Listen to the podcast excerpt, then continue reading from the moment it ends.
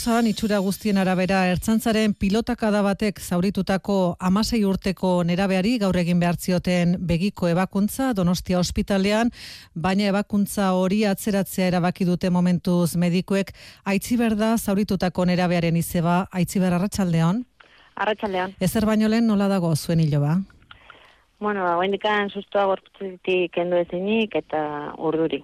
Egi esan urduri dago e, bakontza gaina atzeratu indiote, inflamazioa begitik, e, bueno, bigarren eunen gehiago juntzaio, baina da golpean ondorio bat, eta ba, urduri dago.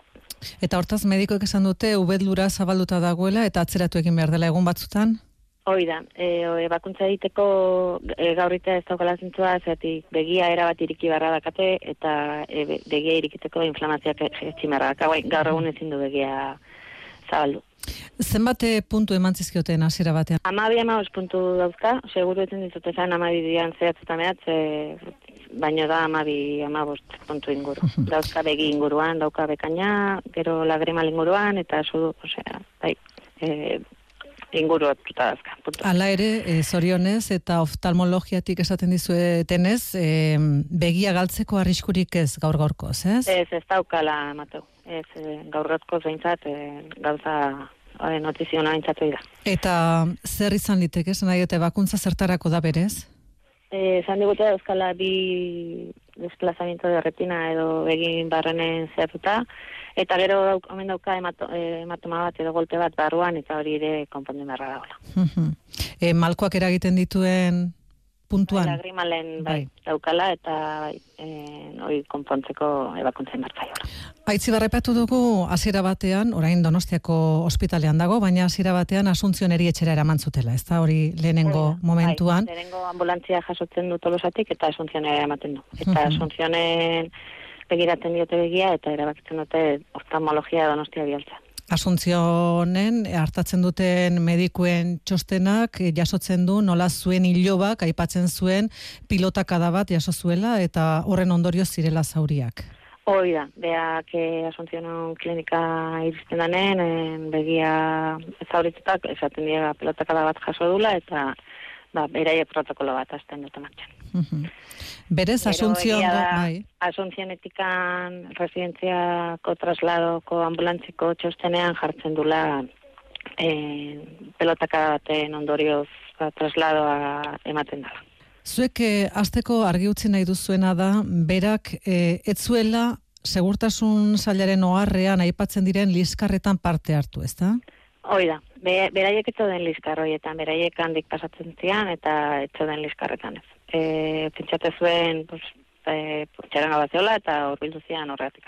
Ea ondo ulertzen dugu nahi ber, e, lehen karga bat egon zen, e, ez dakigu zehazki rondilan edo tolosako ze puntutan, eta handik e, iesi badoaz, zure hiloba beste lagunekin, eta beotibarkale inguruan ikusten du jendetza, eta iruditzen zaio txaranga dagoelan. Hoi da, eta handikan iten du e, entzuten duen lehenengo karga eta ateratze dia korrika. Eta bigarren karga handa begian ematen diotenia. Bueno, dakigo bi karga ontziala, ertzainak esan zigulako bi karga izan ziala. Eh? Horren suposatzea lehenengoan ez bazien eman, bigarrengoan eman ziala. Goizaldeko Laura Kaldera deitu zuen mutilak etxera, ez da? E... Hoi da, lehenengo bere lagomatek deitze ambulantzia eta bigar, eta gero beak etxea ditu. Esan ez? E, pelotaka batek eman diola begian eta goletan dagoela, egitikan. Eta badara matela Asuntzion klinikara. Eta Asuntzion klinikara joko dutela eta area joteko. Geroztik, ertzantza jarri da, zuekin harremanetan? Bai, jarri da bai telefonoz eta bai e, area jonda, e, beakine bai ondia, eta oize, beraien esan, esan digute e, ikerketa bat e, iriki dutela, bai internoa eta bai esternoa, eta jakiteko ze pasaban. Barne ikerketa... Eta gero bai. forentzia pasadare bai, eta horretxaldean forentzia pasatzen, ba, zeuzkan e, golpek eta aztertzea. Barne ikerketa horren beharra ikusten du ertzantzak zuei inolako momentutan aditzera eman dizuetelako e, beotibar kalezulo horretan pilotakadak e, erabiltzea ez dela gauza oiko bat, edo zergatik da? Ez, ez. Guri esan digute ikerketa da daola, zergatik ez digute esan. Daola ikerketa bat irikia, baina zeatik anez. Eta zuek e, salaketa jartzea, pentsatu duzue, ekin bide judizialik? E, gogok lehen da bizina iduna da sendatzea, e, ebakuntza ondo ateratzea, eta gero e, ikusikoa ze pasatzean, eta nola dihoazten gauzak. Baina nahi duna da, lehen jogu bere osasuna, eta ebakuntza ondo ateratzea. Familia bezala, ez dakite baliatu nahi duzu mikrofona beste zer erazteko?